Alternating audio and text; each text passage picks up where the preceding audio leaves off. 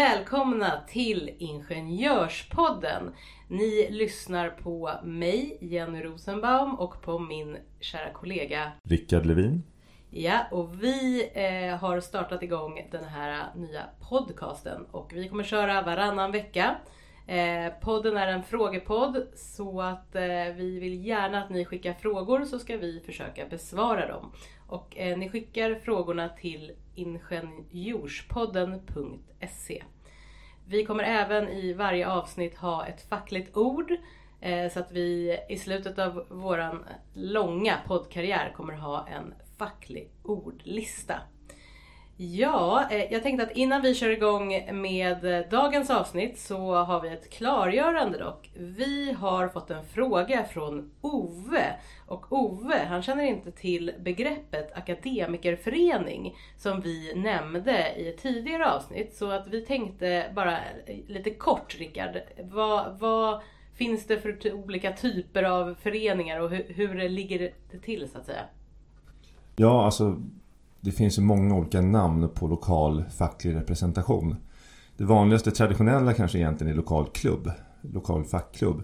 Inom SACO-sfären så använder vi lite olika typer av namn. Eh, akademikerförening, SACO-S-förening. Det kan finnas ingenjörsföreningar, eh, akademikeralliansföreningar. Men det bygger egentligen på, allting på samma princip. Den lokala representationen. Sen är olika namn beroende på vilken sektor man jobbar inom. Tror du, alltså bara slog mig nu, tror du att man, man gör så här för att man vill vara lite speciell? Alltså det, det är väldigt konstigt i mina öron att ha så här många olika namn. Det blir ju så här, det finns ju 15 namn säkert för samma sak. Det bygger egentligen på att man vill förtydliga för sina medlemmar vilka man är och även för motparten. Mm. Sen så kan det finnas olika tradition inom olika sektorer och ja, olika förutsättningar som gör att det har blivit lite olika namn. Men det är, det är precis samma sak som, som åsyftas. Mm. Men för att göra det här lite lättare så tänker vi väl ändå att vi ska ha ett samlingsnamn så att eh, ni lyssnare vet vad vi pratar om. Att det inte är en specifik då lokalavdelning eller akademikerförening eller så. Ja, jag tänker att vi kan väl bara kalla det för föreningar. Mm, tycker jag låter bra. Så att fortsättningsvis föreningar. Ja, eh, jag tänker att vi fortsätter då. Vi hoppar in på dagens fråga. Och eh, det här är en fråga som vi ombudsmän får ganska ofta och eh, eh den är inte helt enkel. Eh, dagens fråga är från en medlem som heter Marie och jag ska säga det igen att när ni skickar in frågor till ingenjorspodden.se så eh, kan ni självklart vara anonyma och är ni inte det så använder vi eh, oss av förnamn så att, eh, så att ni vet det. Men här är då Maries fråga. Jag har varit anställd i 16 år på samma företag. Nu ska företaget genomgå en omorganisation. Efter förhandlingar har jag blivit informerad att min tjänst kommer att upphöra och det finns inte någon annan ledig tjänst. Jag har ju varit anställd längre än de flesta av mina kollegor. Hur är detta möjligt? Rickard, hur är detta möjligt? Ja, men det här är ju någonting som tyvärr inte är så ovanligt. Det här är ju en verklighet vi lever i ute på arbetsplatserna. Att eh, företag ibland behöver skära ner på personal. Det kan finnas en mängd olika eh, orsaker till det. Eh, och vi hör ju ofta de här begreppen liksom först in, sist ut och liknande som dyker upp. Och dit det här ligger i Maries fråga. Eh, först in, sist ut begreppet bygger ju på att man tittar på vem som har längst anställningstid och så om man lyssnar på den allmänna debatten. Det är ju lite mer än så. Och jag tänker att vi kan komma in lite på det. Men det... Ja, för det är väl ändå någon trygghet man tror att man Alltså inledningsvis att man har, känner en trygghet att har man varit anställd någonstans länge ja, ja. Eh, Då är det svårare att så att säga, situationstecken bli av med den personen. Ja, mm. eh, LAS står ju för lagen om anställningsskydd eller anställningsskyddslagen. Det ska finnas en viss anställningstrygghet. Det är själva grundtanken i det här. Men trygghet kan ju bestå av många olika delar. Och där anställningstid kan vara en av dem. Och det är ju faktiskt det som, som LAS i den här delen eh, bygger på. Men det kan vi återkomma till. För först och främst tänker jag att man kanske ändå behöver, behöver uppmärksamma bakgrunden till den här förändringen? Ja, alltså bakgrunden, nu, nu står det ju inte riktigt, eh, det, det, är inga detaljer i den här frågan utan det som det står det är ju egentligen att det är någon typ av omorganisation och sen så verkar det ju då eh, tydligt här att den här omorganisationen kommer att leda till en så kallad arbetsbrist. Eh, vi kanske ska börja med det begreppet bara lite kort, just det här eh, begreppet arbetsbrist som egentligen är mm, ett mm. väldigt dåligt ord. Eh, så. Kan jag Ja, arbetsbrist är en juridisk term som Mm. används arbetsrättsligt här och det, till och med AD, Arbetsdomstolen själva har väl i flera domar sagt att det kanske inte är världens mest lyckosamma begrepp att använda. Men egentligen så bygger det på allting som inte har med, med individen personligen att göra. Och det har ju diskuterats om det hade varit bättre att kalla det för organisationsförändring eller något liknande. För Ja, det är för egentligen det det handlar om. Ja, precis, för det är ju att, att det är brist på arbete. Det blir ju också ofta förvirring hos eh, den som ska eventuellt bli uppsagd. För man säger att nej, men vi har ju inte brist på arbete på vårt företag utan vi har ju jättemycket som händer och ekonomin är god. Mm. Ja, vi förstår ingenting. Man, man har det här eh, kanske missuppfattningen att det måste vara röda siffror. Ehm, för att Ja det men ska så vara kan det vara. Så kan det vara att det är många som fortfarande känner att vadå brist på arbete? Jag sitter ju och har hur mycket som Ja. helst att göra. En slimmad organisation och liknande. Mm. Men det är alltså inte egentligen, det kan ju vara brist på arbete. Det kan ju vara en del av det här Mm. men det kan vara så mycket mer. Det kan vara, vilket det oftast är, alltså kostnadsskäl. Att man vill reducera kostnader som Ja. arbetsgivare. Mm. Vad, vad, om, vi, om, men om vi säger nu att det, nu är det en omorganisation här och det är arbetsbrist. Vad är det första man gör? Om vi tar det lite kronologisk ordning så att vi, vi, vi kommer till Mm. själva turordningsproblematiken som ändå frågan handlar om. Det kanske inte går att göra så här jätteenkelt och egentligen skulle varje begrepp kräva sitt eget avsnitt framöver här. Men eh, ja, jag ska försöka göra det så kortfattat som möjligt. Lycka till! Tack så mycket. Vi var ju, I tidigare avsnitt så var vi inne på det här med när en arbetsgivare har en förhandlingsskyldighet, alltså vid så kallad viktigare förändring. Att man då på eget initiativ ska förhandla med den fackliga parten innan man fattar beslut. Och en omorganisation, det är, det är en viktigare förändring. Så att det första steget är att man måste förhandla det här och man måste då som arbetsgivare förklara varför man vill göra förändringen, lägga fram verksamhetens behov. Eh, och det är det man förhandlar. Man förhandlar ju liksom inte enskilda individer eller personer eller namn på det sättet. Utan det är verksamheten som står i fokus. Sen så avslutas den förhandlingen antingen i enighet eller oenighet. Men det är arbetsgivaren som beslutar. Och då har man ju en ny organisation på pappret och då ska den bemannas. Och det är liksom nästa steg. Att man bemannar den nya organisationen. Och är det inte så att, eh, det är i alla fall min eh, erfarenhet, att väldigt många företag de har ju tänkt på den här omorganisationen eh, ganska länge. Så att för dem kanske det inte känns eh, som att de har br- bråttom så. Men att många gånger så vill man gärna slå ihop de här två delarna. Så att när man kommer till förhandlingen så, så står det redan namn i olika rutor som i princip är överkryssade.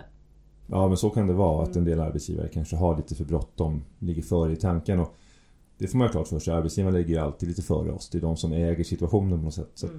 det är viktigt som förtroendevald att tänka på att man har rätt till det vi kallar för skäligt rådrum. Alltså rätt att få information, rätt att få ta till sig av informationen, förbereda sig och liknande.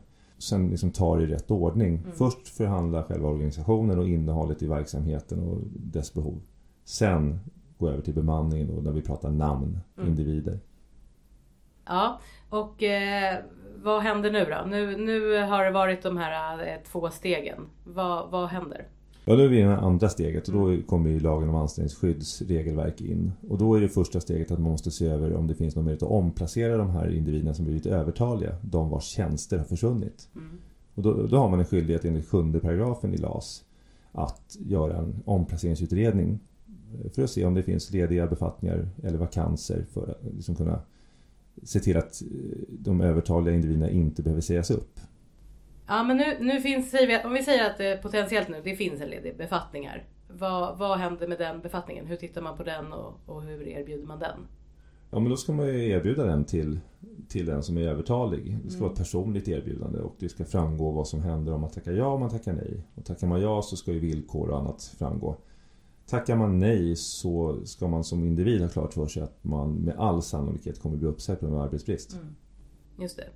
Och, och eh, tackar man nej, så bara för att verkligen klargöra, det, då är det inte så att man sen hoppar in på en turordningslista utan då blir man egentligen per automatik.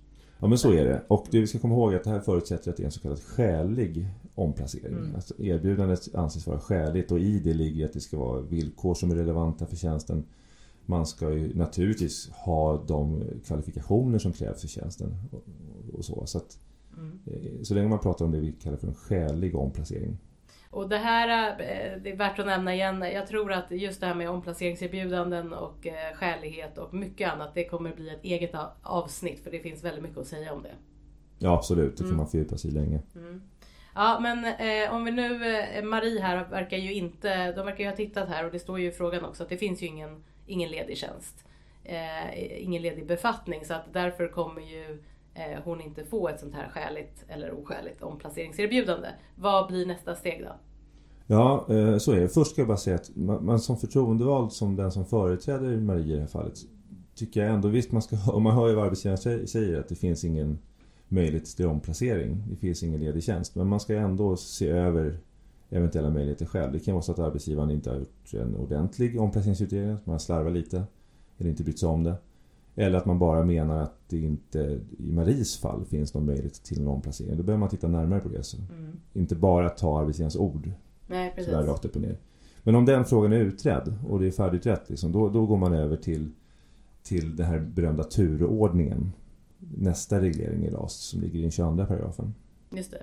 Och då är man ju väldigt trygg om man har varit anställd i 16 år. För då har man ju blivit anställd ja, nästan först. Ingen av oss har några garantier.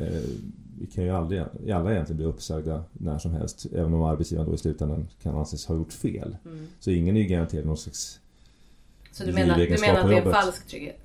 Nej, falsk behöver den inte vara men det kanske inte absolut. Nej. Du så svänger det med så fina ord. Vi ska nog få till här några avsnitt till och sen så blir det lite rakare. Ja, men om vi tittar på, vi tittar på turordningen då. Eh, hon har varit anställd i 16 år. Varför blir inte hon, varför ska hon bli uppsagd? Varför ska Marie bli uppsagd? Det måste ju ja. finnas, det finns ju, det står ju också i frågan att det finns ju massa medarbetare, kollegor till henne som har varit anställd mycket kortare tid än henne. Ja. Ja, för det första, det är ju svårt att svara så specifikt just i hennes fall. Men om vi ändå tänker oss in i hur det eventuellt ser ut hos henne så, så får man ju titta på situationen kring henne. Om det nu är så att hon har 16 års anställningstid och det finns många som har kortare anställningstid. Mm. Och det vi pratar om här ska man komma ihåg, det är sammanlagd anställningstid. Mm. Inte bara den sammanhängande utan all anställningstid man har på det här bolaget.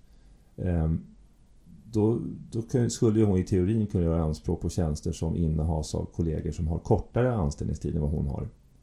Ehm, så länge som hon har det vi kallar för tillräckliga kvalifikationer för att åberopa deras tjänster. Och där vill man ju nästan ha någon liten eh, trudelutt, för att be Pavel om det. Så här, någon liten trudelutt och sen tillräckliga kvalifikationer. Ja. Det här liksom eh, väldigt eh, luddiga begreppet som är, är så otroligt svårt många gånger när man själv sitter i förhandling att veta vad är tillräckliga kvalifikationer. Ja men så är det. Det finns ju två delar om man ska göra det väldigt enkelt för sig nu när vi pratar om turordningen. Mm. I alla fall för individen då. Det handlar dels om anställningstid och det kan ju vara relativt enkelt ändå att försöka komma fram till. Det brukar inte vara så att man har jättestora eh, delade uppfattningar vad gäller det som arbetsgivare och facklig part. Mm. Eh, men däremot när man kommer till den andra delen, tillräckliga kvalifikationer, så kan ju, kan ju uppfattningarna gå isär. Vad är din erfarenhet när man sitter på förhandlingar?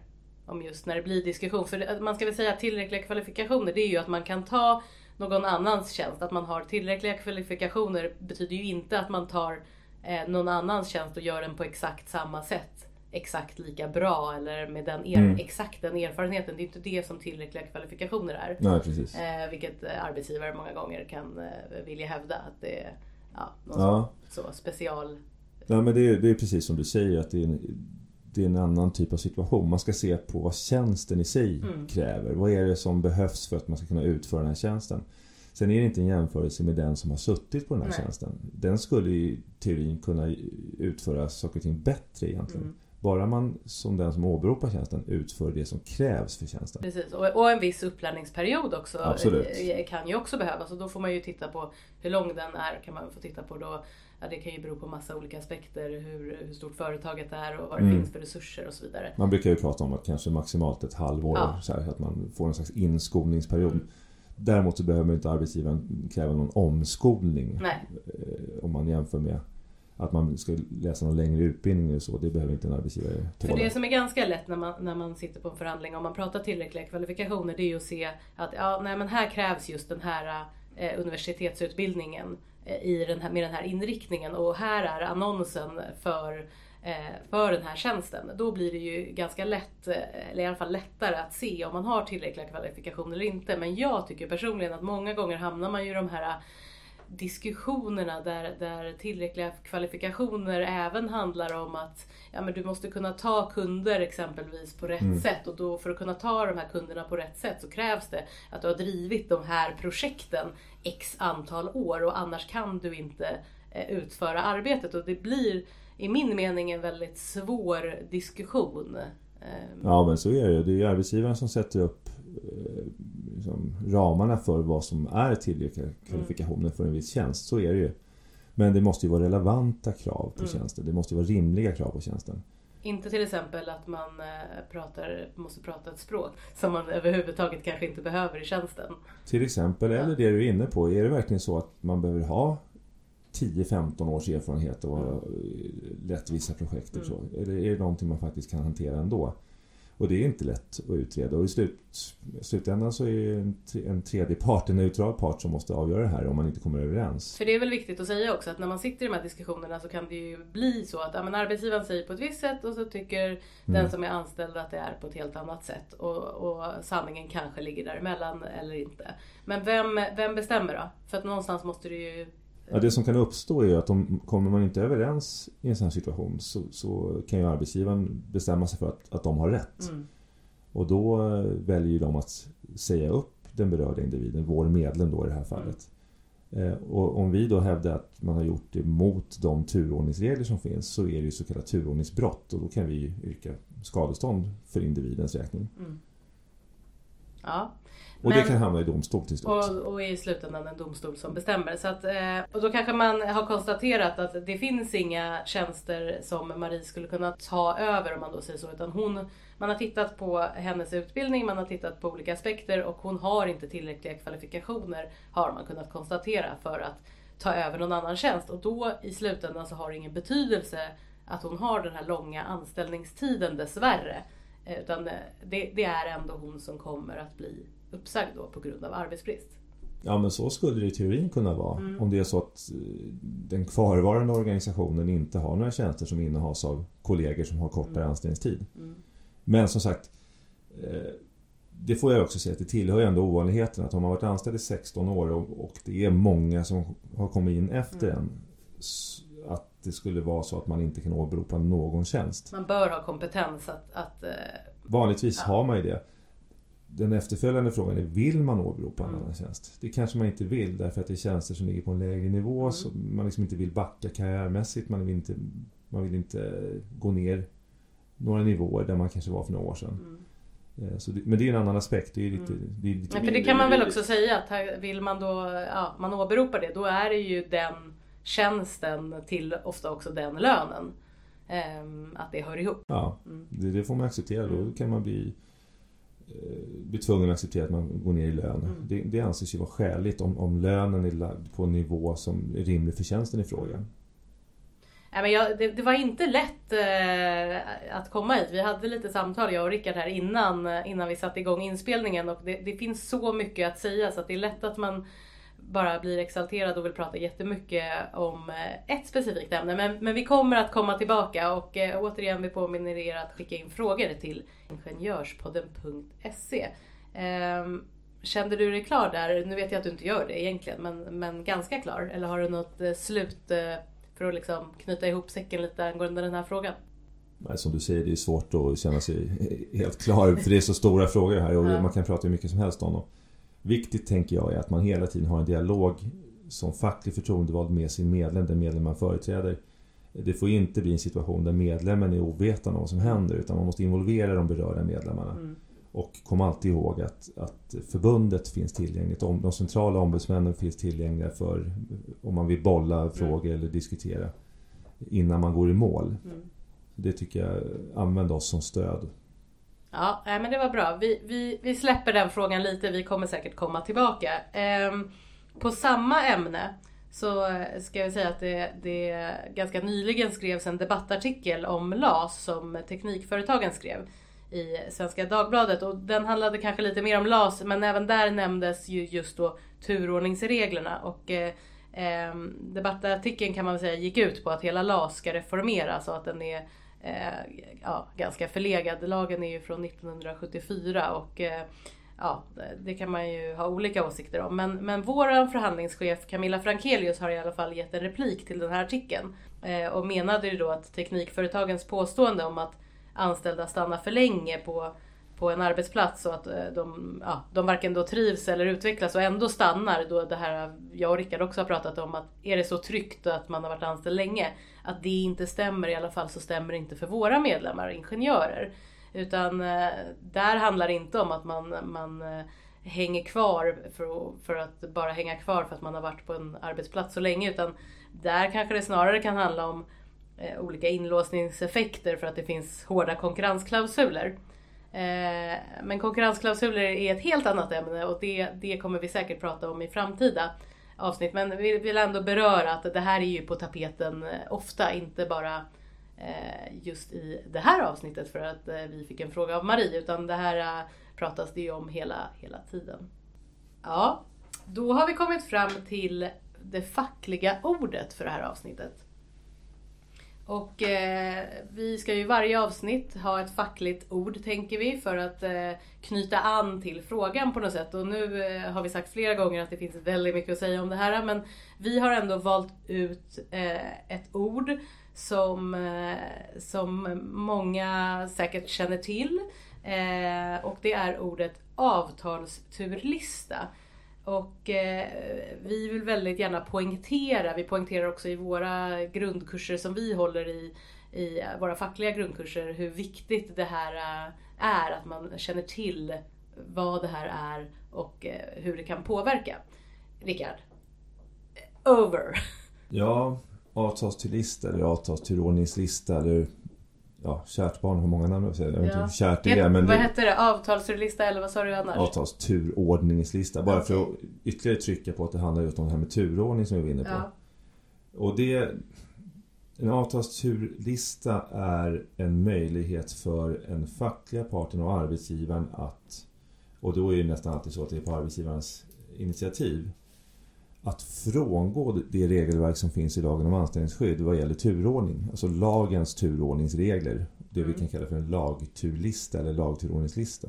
Eh, det, ger, det ges en möjlighet i LAS att lokalt komma överens om andra regler helt enkelt.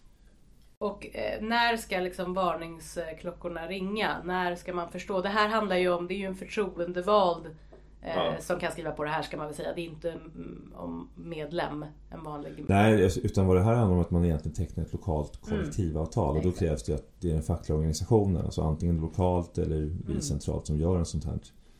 Man ska dra öronen åt sig så fort det här... Man så får en känsla att det är på gång. Man, så fort man bes att skriva på någonting. Ja, som först, har med absolut. en eh, turordningslista att göra. Då ring, ring till oss här på rådgivningen, i alla ja. fall på Sveriges Ingenjörer. Och Ja, för det som är avgörande är ju det som du är inne på, att man skriver på att det finns en skriftlig handling. Ett mm. lokalt kollektivavtal är ju bara giltigt så länge som det är skriftligt. Och det här brukar ju oftast handla om ett protokoll, ett förhandlingsprotokoll. Och då i samband med det vi har pratat om nu, organisationsförändring, arbetsbrist och liknande.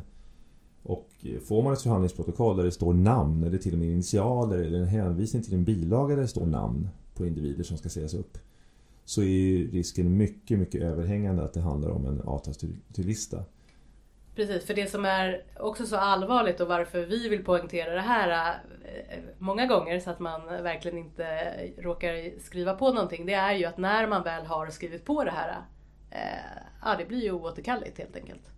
Ja, man ersätter, det går inte att ta tillbaka. Man ersätter lagens regler. Mm. Det går inte att komma och säga sen att man har brutit mot, mot någon, någon lagregel eller, eller så. Utan det finns ju ingen efter att man har ersatt det med en avtalsturlista.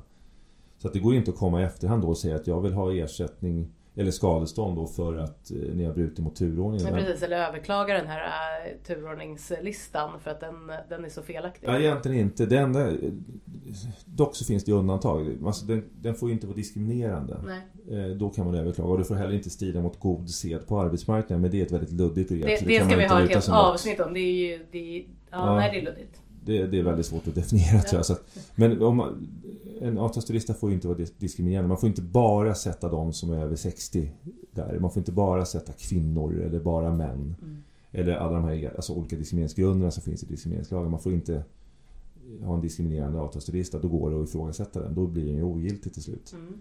Men i övrigt så är man ju, har man ersatt lagens regler. Då är, då är det nya som gäller. Och då kanske man som förtroendevald förstår vilken makt man då sitter på här. Och hur man kan förut, alltså förändra förutsättningarna för alla medlemmar. För har man 30 års anställning på ett företag så kan man ju genom att man hamnar på en avtalsturlista ha blivit av med alla de fördelar som det innebär. Ja, nej men det, om det är så att eh, ni får ett förslag på en avtalsturlista, hör av er till oss här på Sveriges Ingenjörer. Eh, så att vi kan diskutera eh, den här avtalsturlistan innan man eventuellt skriver på. Ja Rickard, det är ett fullspäckat avsnitt och jag känner att eh, det, vi har kommit upp med så många olika eh, eh, uppslag för kommande avsnitt.